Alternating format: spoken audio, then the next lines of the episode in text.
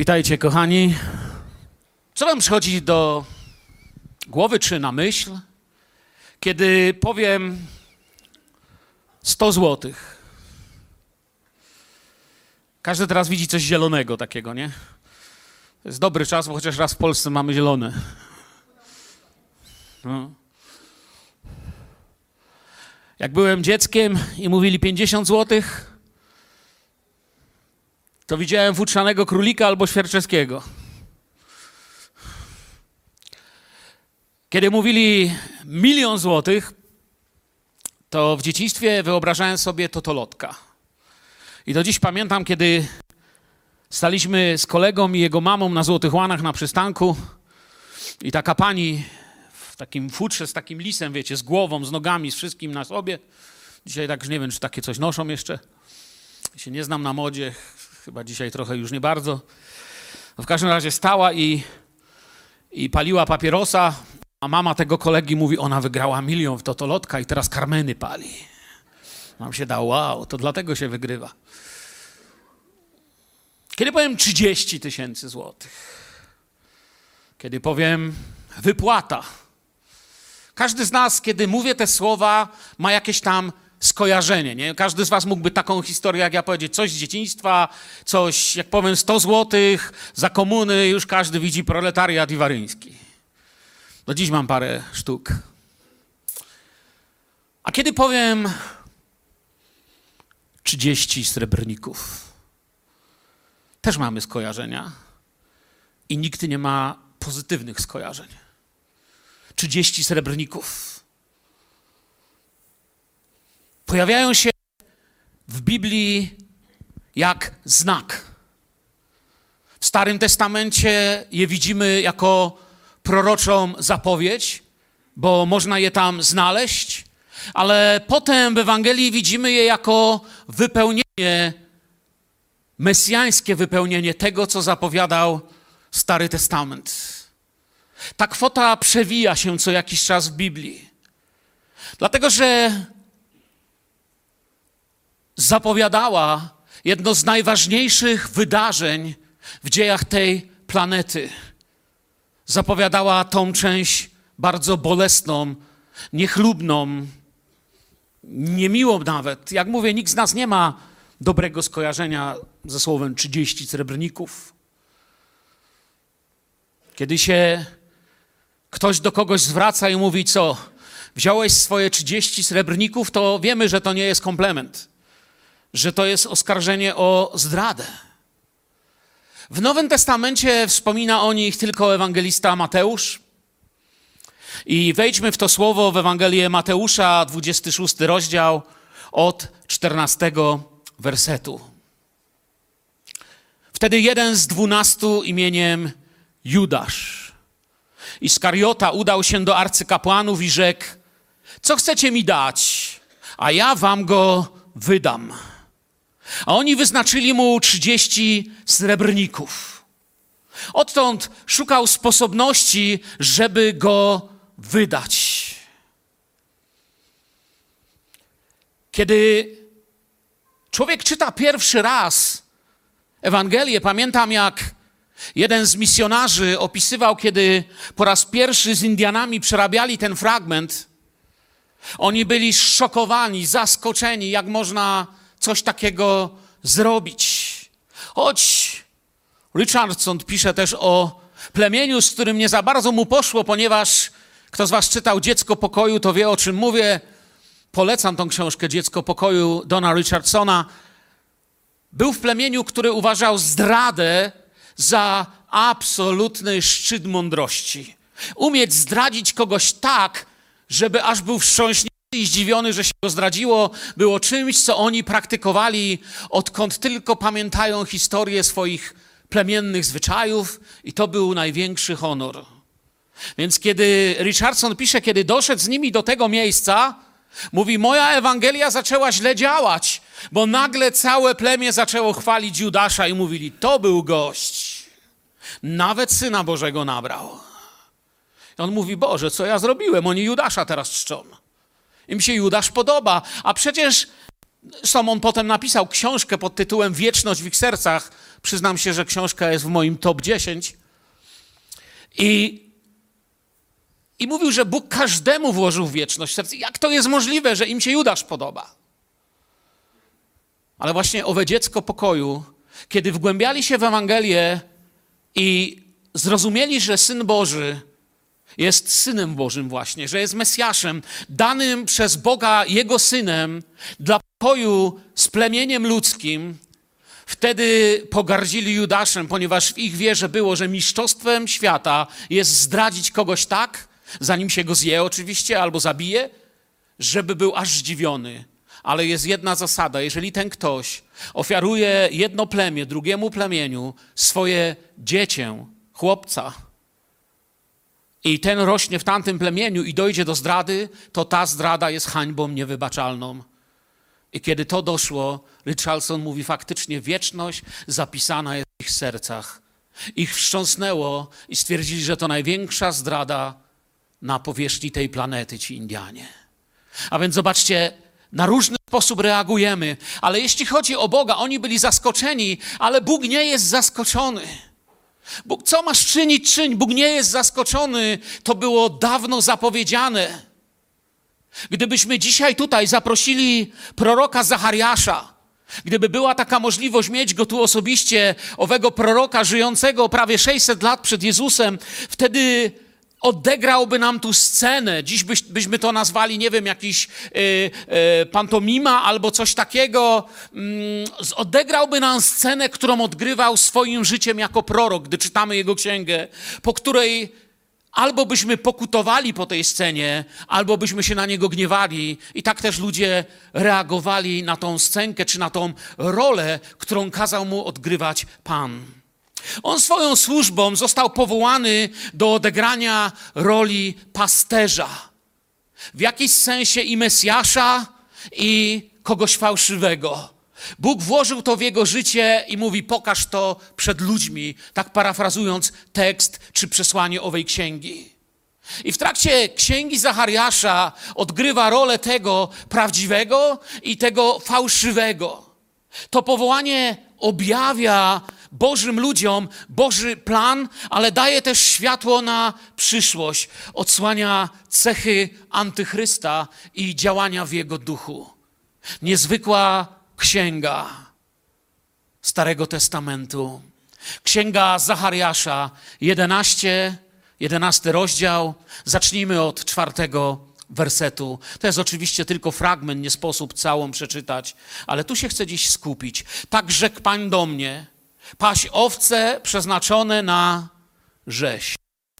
Ich kupcy zażynają je bezkarnie, a sprzedający je mówią: Błogosławiony Pan, gdyż wzbogaciłem się. Ich pasterze nie oszczędzają ich. Dlatego też nie będę oszczędzał mieszkańców kraju, mówi Pan, i oto wydam każdego człowieka w ręce jego bliźniego i w ręce jego króla, a oni zrujnują kraj i nikogo nie wyrwę z ręki. Pasłem więc owce przeznaczone na rzeź dla handlarzy owiec. I wziąłem sobie dwie laski. Jedną nazwałem przychylność, drugą zaś nazwałem jedność. Tak pasłem owce. W jednym miesiącu usunąłem trzech pasterzy, ale uprzykrzyłem je sobie, a one też poczuły do mnie niechęć. Dlatego rzekłem: Nie będę was pasł. Co ma umrzeć, niech umrze.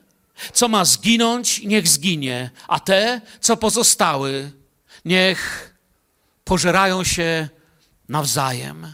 Potem wziąłem moją laskę, przychylność i złamałem ją, ażeby zerwać moje przymierze, które zawarłem ze wszystkimi ludami i zostało zerwane w owym dniu. A kupcy owiec, którzy mnie pilnowali, poznali, że to było słowo Pana. Wtedy rzekłem do nich: Jeżeli uznacie to za słuszne, dajcie mi należną zapłatę, a jeżeli nie, zaniechajcie. I odważyli mi jako zapłatę trzydzieści srebrników. Lecz Pan rzekł do mnie: Wrzuć je do skarbca tę wysoką cenę, na jaką mnie oszacowali. Wtedy wziąłem 30 srebrników i wrzuciłem je w świątyni do skarbca. Potem złamałem moją drugą laskę, jedność, aby zerwać braterstwo pomiędzy Judą a Izraelem. Wtedy Pan rzekł do mnie, weź sobie jeszcze narzędzie pasterza, lecz nieużytecznego, bo oto ja wzbudzę w kraju pasterza, który nie będzie się troszczył o zaginione nie będzie szukał tego, co zbłąkane, nie będzie leczył tego, co zranione i karmił tego, co zgłodniałe, lecz będzie jadł mięso tucznych zwierząt i zerwie im kopyta. Biada pasterzowi nieużytecznemu, który porzuca owce. Niech miecz spadnie na jego ramię i na jego prawe oko. Niech jego ramię całkiem uschnie, a jego prawe oko całkiem się zaćmi. Prorok mówi, że fałszywy pasterz zostanie uderzony w oko, co w Starym Testamencie symbolizuje mądrość, prawe oko. Ocenia w dobry sposób, widzi mądrość. Ramię sugeruje siłę. I oczywiście wysoka cena, o której pisze prorok, że tak mnie wycenili na wysoką cenę, to po prostu ironia. Chodzi o to, że cena jest tak niska, jest haniebnie niska, co za chwilę zobaczymy, studiując ów fragment. Księga Zachariasza jest jedną z kolejnych ksiąg apokaliptycznych Starego Testamentu. Równie dobrze moglibyśmy ją nazwać apokalipsą Zachariasza, ponieważ jest to apokalipsa. Księga, która odsłania coś, co ma się stać, odsłania coś, co jest za Bożą zasłoną, zwraca nasze oczy na Zachariasza, na to, co robi. Wiecie, nawet imię Zachariasz ma tutaj przesłanie, ponieważ imię Zachariasz znaczy dwie bardzo mocne rzeczy, jeśli chodzi o te wydarzenia, które zapowiadają Golgotę, zapowiadają zdradę. Imię Zachariasz w pierwszym swoim znaczeniu oznacza Pan wspomniał, ale w drugim, bardzo mocnym, również oznacza, że Jahwe pamięta, Pan pamięta. Ciekawe, że żydowskie apokalipsy miały wzbudzać nadzieję. Kiedy czytamy żydowskie apokalipsy, mamy je właśnie tu w Zachariasza, też y, częściowo apokalipsą jest księga Ezechiela, y, księga Daniela to jest apokalipsa, w Nowym Testamencie jest to objawienie Jana. Żydowskie apokalipsy miały wzbudzać nadzieję. I to jest ciekawe, że świat chce ich użyć, a nawet samego słowa apokalipsa do wzbudzania strachu. Dzisiaj kompletnie niewłaściwe, nieraz tu o tym mówiłem, nie chcę się za dużo powtarzać i w to wchodzić, jest w ogóle pojęcie, jak ktoś mówi, film apokaliptyczny. Niczego nie odsłania, ale, ale tak się przywykło mówić, żeby się ludzie bali, co to będzie, ludzie kochani. I używa się tego do wzbudzania strachu. Żydzi używali tych ksiąg do wzbudzania nadziei, szczególnie księga Daniela. Kiedy szli jak baranki na rzeź, była księgą ich nadziei.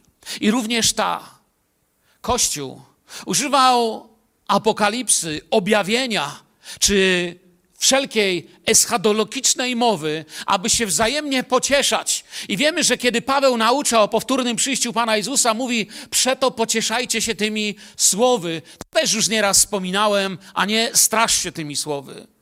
Bo jak się można straszyć tym, że mój ojciec panuje nad wszystkim i On ma ostatnie słowo dla mojego życia i dla wszelkiej rzeczywistości tego wszechświata. Amen. Chwała Jezusowi. Zachariasz musiał mieć ciężkie zadanie. Kochając Boga, poczuł też kim i czym będzie paszterz prowadzący owce na śmierć w rękach kupców. Pamiętamy, że nie jest to pierwszy prorok, który odgrywa jakąś scenę Prorocy nieraz coś budowali symbolicznego, odgrywali, a czasem całe ich życie było kazaniem. Ich dzień i noc był kazaniem, które mieli dla Izraela, które mieli dla ludu Bożego. Bóg powiedział do proroka Ozeasza: Weźmiesz sobie za żonę prostytutkę. I musiał iść znaleźć tą prostytutkę i żyć z nią, i całe ich życie było symbolem niekończącej się Bożej miłości i z zapowiedzią Bożego zbawienia. Zdradzone owce, to musiało boleć proroka, ale prorok i ci, którzy kochają Boga, widzą, że to jeszcze bardziej bolało Boga i dlatego postanowił taką scenę ludziom dać. Zachariasz jako kapłan z urodzenia, I prorok z obdarowania w szczególny sposób wiedział, czym są te owce, kogo reprezentują. Opowiada nam o najbardziej nieszczęsnym stadzie owiec w historii pasterstwa. Stadzie, które stało się głównym motywem tego, co odgrywa, tego, co głosi dla zagniewanych i chcących przyjąć to przesłanie. Najbardziej nieszczęsne stado w historii pasienia owiec, w historii pasterstwa, czy mógłbym dodać tutaj dokładniej w historii duszpasterstwa. Są stadem, o żadnym stadzie owiec się nie chce tak powiedzieć, ale tu się tak mówi. Dokładniej nazywają się stadem uboju. To jest coś nie tak. To się, to się tak nie robi. Są stadem uboju i na ubój, na rzeź zostają oddane. Są na drodze do rzeźni, kiedy je opisuje. Ktoś je sprzedał i umilkł dla tych owiec głos pasterza. Pasterz je miał prowadzić z tego, co my wiemy z owej pieśni. Pan jest pasterzem moim. I miał je prowadzić na zielone pastwiska. Ale nagle proroczy głos mówi: Głos ucicha, nie słychać już pasterza i owce odkrywają, że są w rzeźni. Ktoś je sprzedał. Ze stada do kochania stały się stadem do sprzedania. Miały być do kochania, a stały się do sprzedania. Ze stada przymierza stały się stadem umowy handlowej. I dramatem jest to, że to stało się naprawdę i chodzi o Boży lud na tej haniebnej umowie. I dla Zachariasza i naszego przesłania dzisiaj symbolika pozostaje ta sama. Chciałbym, abyście to wiedzieli. Kupujący to świeckie instytucje władzy, świeckie wpływy, władzy polityki. Im jest potrzebny taki tłum jak wy Politycy chętnie chcieliby dostać wasze uszy i zabrać wasze uszy Panu Jezusowi. Diabeł chętnie chciałby zabrać wasze uszy, wasze myśli i wasze ręce Panu Jezusowi. Chętnie zwodziciele pojawiają się z tego, że chce was kupić. Kupić was na rzeź. To jest przesłanie dla owiec do których głosi, do ludu, którego głosi Zachariasz. Kupujący kogoś reprezentują. Im jest potrzebny taki tłum, sprzedający dusz pasterze, kapłani. Ci, którzy położono zostali odpowiedzial dostali odpowiedzialność, by nauczać, by głosić, by się modlić, by kochać ludzi, kapłani Duszpasterze, widzący możliwość umowy z władzami i polityką, mogą sobie zapewnić w ten sposób wpływy, dochody i bezpieczeństwo oraz możliwość decydowania razem z władzami o tym, co będziemy robić na tym świecie. Czy to nie działo się wtedy? Czy to nie działo się za czasów Pana Jezusa? Czy to nie działo się, kiedy Kościół zamiast być głosicielem dobrej nowiny, nie, nie minęło trochę ponad 100 lat, od czasów Pana Jezusa. Kiedy Kościół już zaczął bardzo, bardzo błądzić, nawet mniej, już Juda pisze o tym, ale gorzej. W 311 roku, kiedy zaczęły działać edykty mendiolańskie, kiedy Konstantyn ogłosił, że teraz wielkie nawrócenie, wielki kościół, ludzie trochę sto lat później kościół prowadzi pierwszych pogańskich skazańców, by ich zamordować. Prowadzi kościół powołany do głoszenia dobra, prowadzi pogańskich skazańców na rzeź, na morderstwo, bo nie chcą się nawrócić do Jezusa. Zapomniał, jakie dostał narzędzia, zapomniał, kim jest. Pojawiają się biskupi i urzędnicy kościoła, pastorzy, duszpasterze, rabini, popi, jakby ich nie nazwać. Im większy mają krzyż na piersi, tym większe jest ich ego. Im większe diamenty i skarby na sobie noszą, tym większe jest ich złodziejstwo.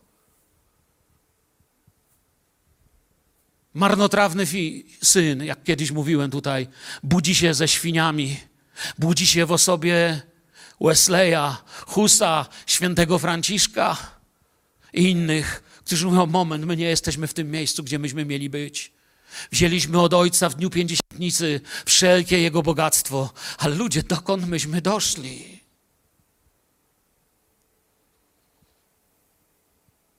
Oni już nie pasą owiec, by je oszczyc. Owce mają być szczerzone, ale nie zarzynane. Prowadzą je na rzeź.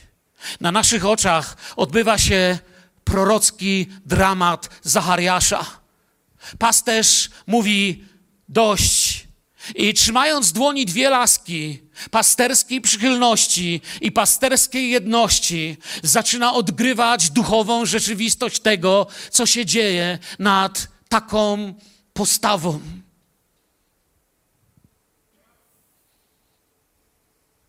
Przez oziębłą miłość stada, przez zwiedzenie przywódców, stado jedzie do rzeźni. Znajdują się na złej drodze. I gdy lud traci te dwie laski, traci Boże prowadzenie. Bo wina nie jest tylko po stronie ludu. Jest nawet dużo mniejsza. Tu wina pokazuje, że jest po stronie tego, co jest ludowi przekazywane. Ale dzieje się jeszcze gorzej. To, to, to zwiedzione, to, to biedne, oszukane stado. Prorok pisze, część umiera. Po prostu ginie. Część jest zdradzona i ginie, a część zaczyna się wzajemnie pożerać. Ludzie, co to za owce, które wzajemnie się zjadają? Czy to jeszcze owce?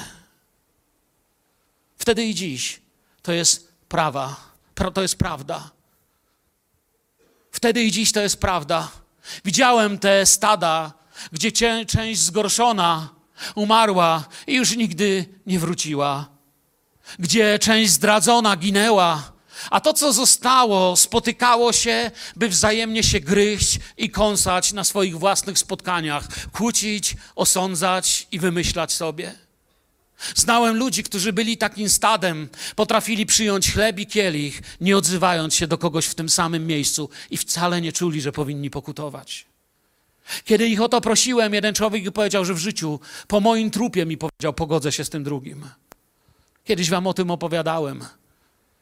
Sam sobie wyprorokował, bo byłem świadkiem jego zgody z tym drugim bratem, kiedy tamten musiał wiele, wiele kilometrów nocą przyjechać, aby nad łożem jego śmierci trzymałem ich obydwóch za dłonie. W końcu doszło do ich pojednania. Widziałem te stada. Widziałem to. Nazywali swoją małość wybraniem. Gniew nazywa się wtedy radykalizmem, a zęby nazywają się prawdą. Ale to już nie są owce. To jest stado rzezi. Ta rzeź wszędzie, gdzie zostaje odrzucony Jezus, ma miejsce politycznie, moralnie, religijnie i fizycznie.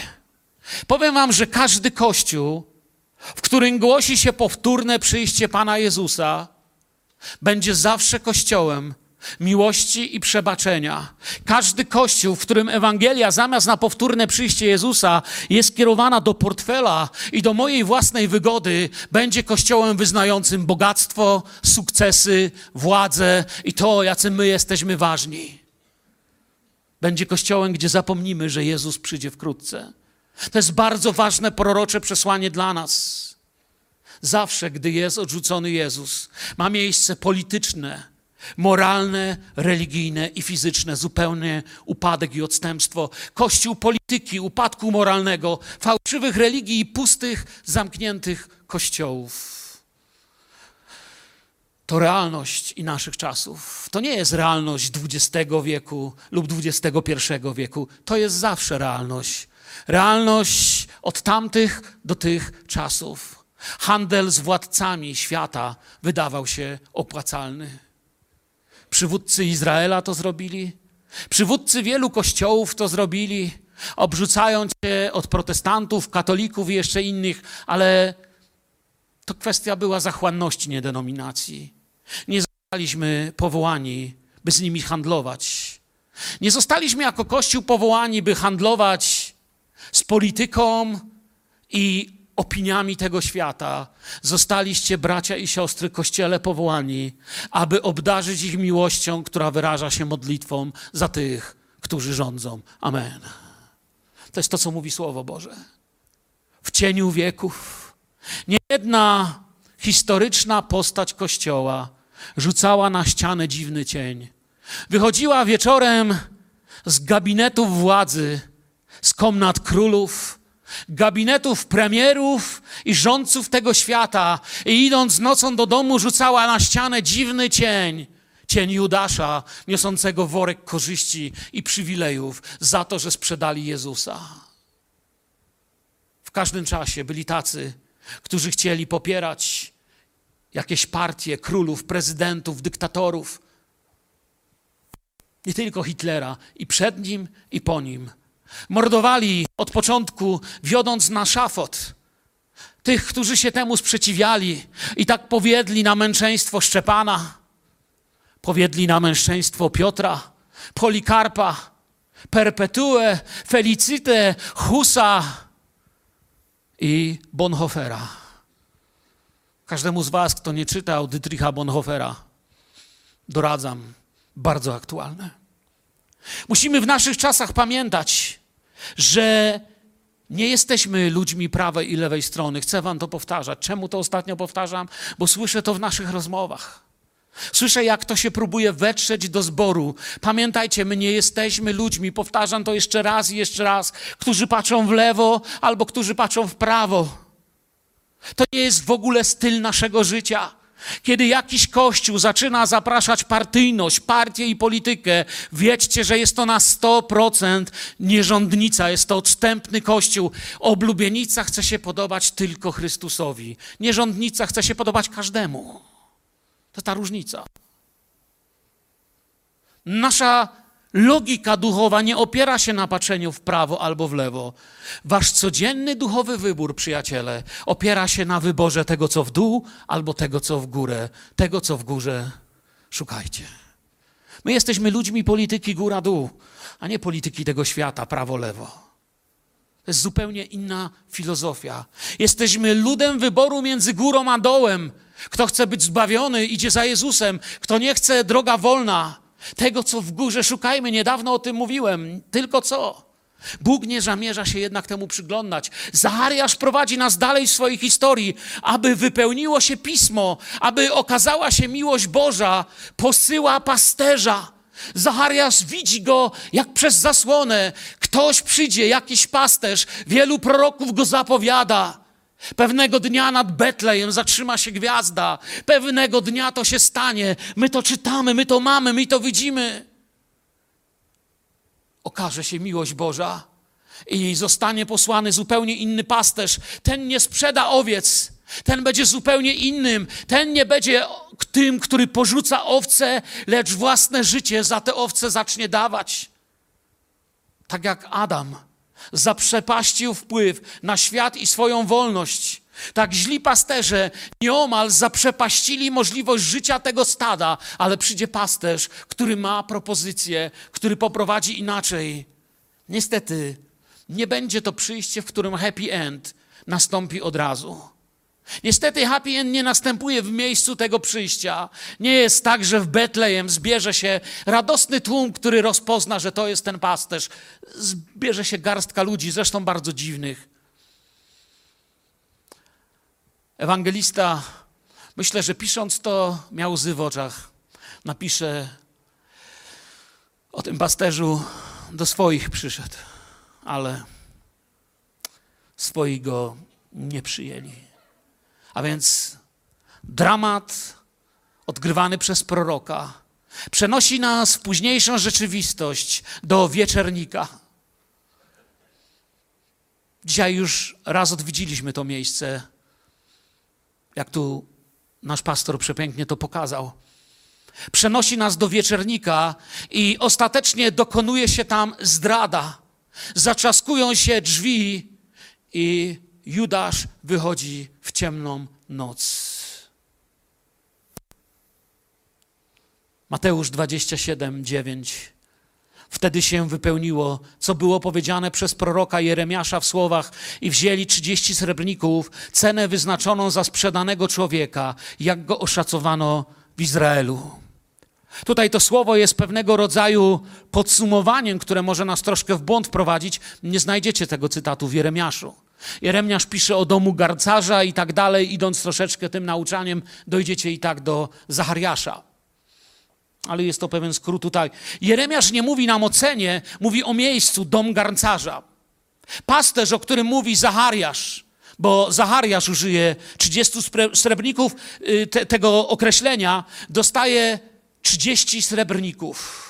I prorok przekazuje teraz ważne przesłanie. Odrzucając pasterza, odrzuca się Boga, bo Pan jest moim pasterzem. Jest wyceniony tak, jak był traktowany. I wam to mówiłem, że to jest pewien rodzaj ironii, kiedy jest powiedziane za taką wielką cenę 30 srebrników. Nie, to jest ironia.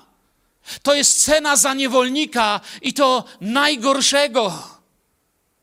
Już gorszego nie ma, zaraz wam powiem dlaczego.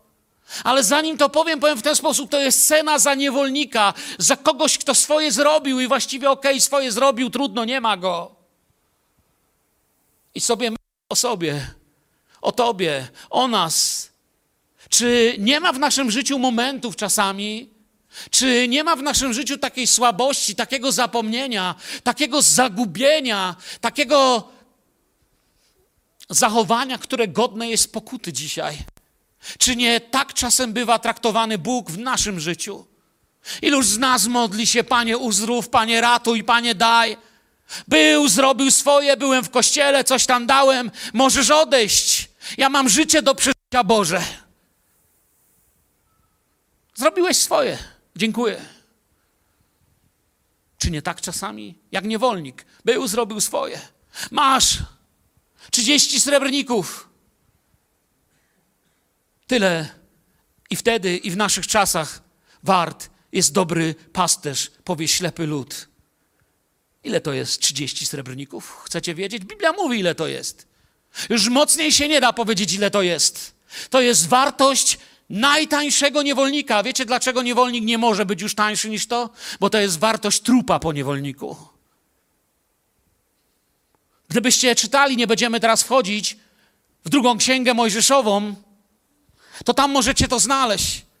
Tam jest napisane, że jeżeli niewolnik zginie, na przykład wół go zabodzie, albo niewolnicę, należy dać jego panu 30 cykli srebra. Tyle jest warty niewolnik i to nieżywy. Na tyle wyceniono naszego pana. On nasze życie wycenił, wiecie za jaką cenę? Powiem wam, jaka jest metka na tobie, gdyby ktoś chciał cię kupić. Każdy z nas ma na sobie naklejoną cenę. Albowiem tak Bóg umiłował świat, że dał syna swojego jednorodzonego, aby każdy, kto w niego wierzy, nie zginął, ale miał życie wieczne. Jesteś warty życie syna Bożego. Nie srebrem i nie złotem zostałeś kupiony. A jaką myśmy na nim metkę przylepili? Metkę ceną martwego niewolnika.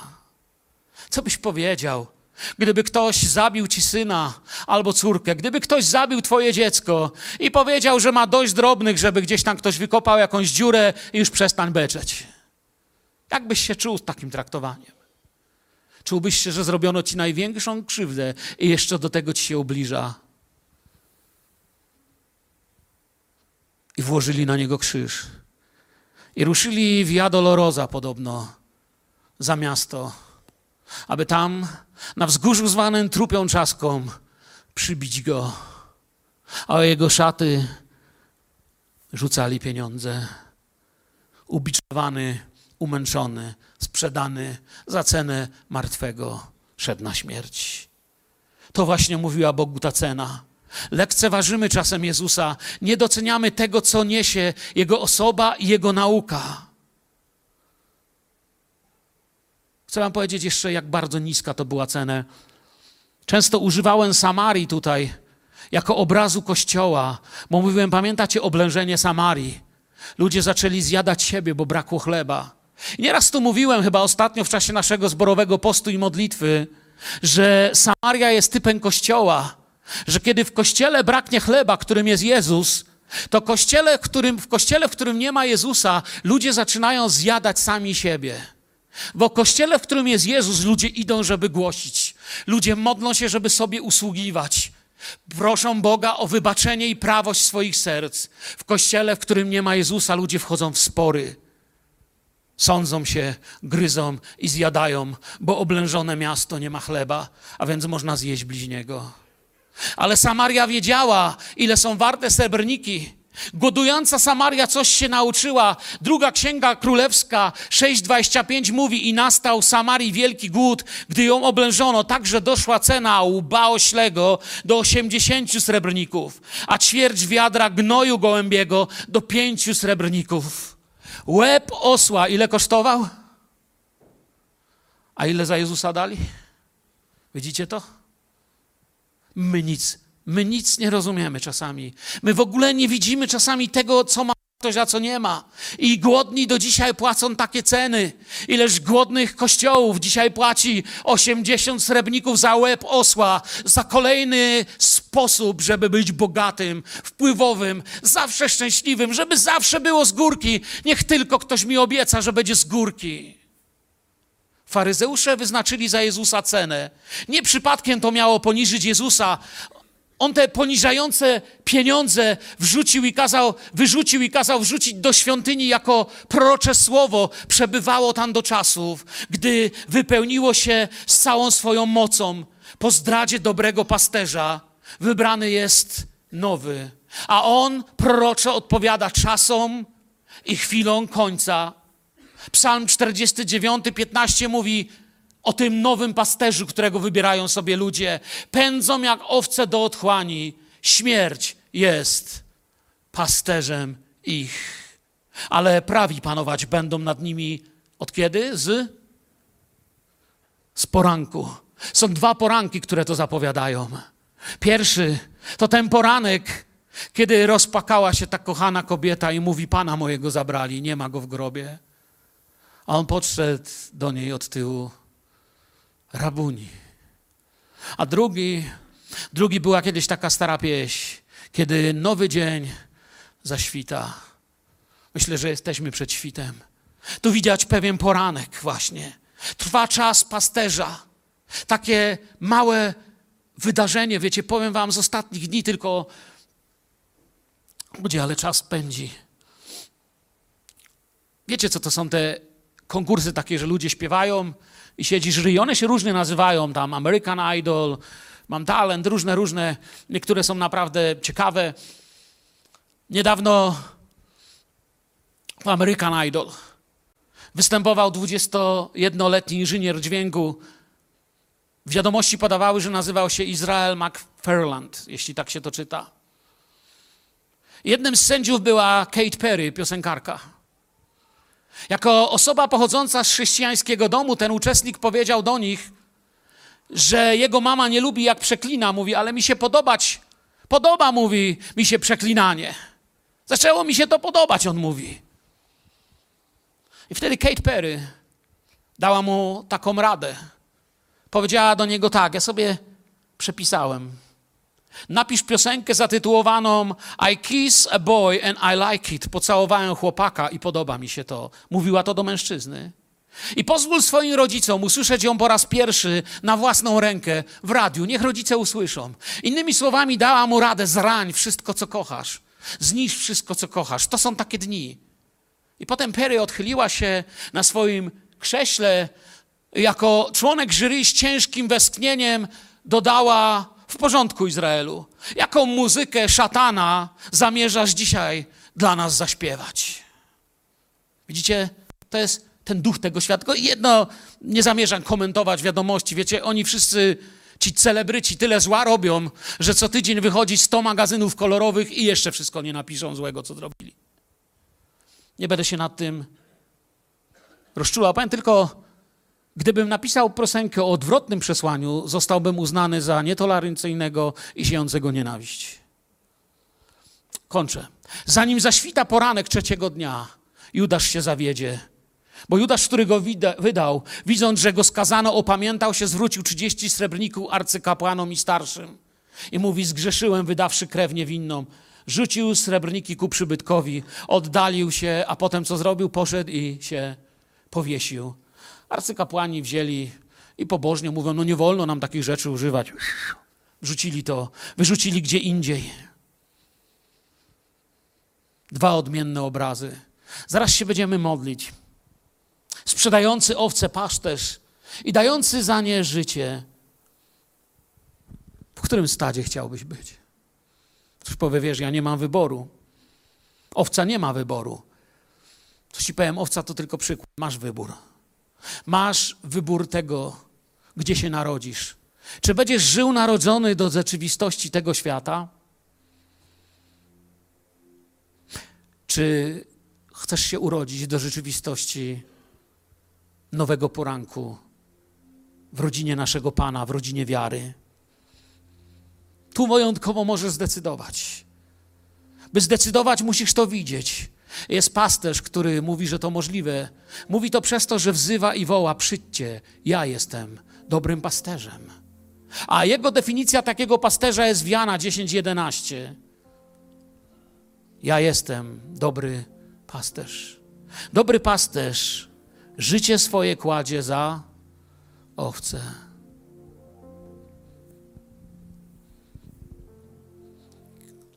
Musisz podjąć wybór. Musisz zdecydować, w którym stadzie naprawdę chcemy żyć. Czy to miejsce, ja nie mogę zdecydować o wszystkim, ale ty i ja możemy zdecydować o tym, co tu będziemy mieli. Czy to miejsce będzie miejscem pokuty, wybaczenia, modlitwy? Czy dzisiaj po nabożeństwie będą tacy zakochani w Jezusie, którzy odważą się podejść do kogoś, o kim ostatnio źle mówili i powiedzieć: Wybacz, ostatnio nie mówiłem o Tobie dobrze. Powiem Ci, kiedy tak zaczniesz robić, wzejdzie nad nami słońce uzdrowienia, łaski i błogosławieństwa. Kiedy być może po tym nabożeństwie zaprosisz na kawę kogoś, z kim ostatnio nie szło dobrze, i powiesz: Chodź, wypijemy razem kawę, posiedzimy. Wybacz mi, myliłem się. Wybacz mi, muszę się jeszcze wiele nauczyć. Czy chcemy stworzyć miejsce, jakiego nigdzie więcej nie ma? W tym mieście jest dość miejsc, gdzie się śpiewa. Są sale koncertowe i kluby. Jest dość miejsce, gdzie, się, gdzie, gdzie pobożne rzeczy się dzieją. Niech nasze miejsce, nie odpowiadamy za innych, będzie miejscem, postanowiłem iść za Jezusem. Jak? W Jego charakterze, w Jego decyzjach. Jeśli potrzebujesz wsparcia, chcę się o Ciebie pomodlić z tymi, którzy dzisiaj już tą decyzją mocno umocnili w swoim życiu. Jeżeli dzisiaj tego potrzebujesz, powstańmy wszyscy zaśpiewać pieśń. A Ty w tym czasie chodź tutaj na środek i poproszę wszystkich naszych modlicieli, aby podchodzili do tych, którzy tutaj wyjdą. Nasze służby modlitwy, starszych zboru, ktokolwiek tu wyjdzie, podejdźcie do nich i pomóżcie ludziom podjąć decyzję o wybaczeniu, o pozostawieniu czegoś, o modlitwie za tych, którzy żyją w nienawiści, może w ich domu. Może niektórzy z nas dzisiaj idą do domu, w którym czeka obiad i miłość, a może ktoś idzie do domu, w którym jest ciemniej niż najciemniejsza noc. Chcemy się o Was modlić. To jest dobre miejsce na to.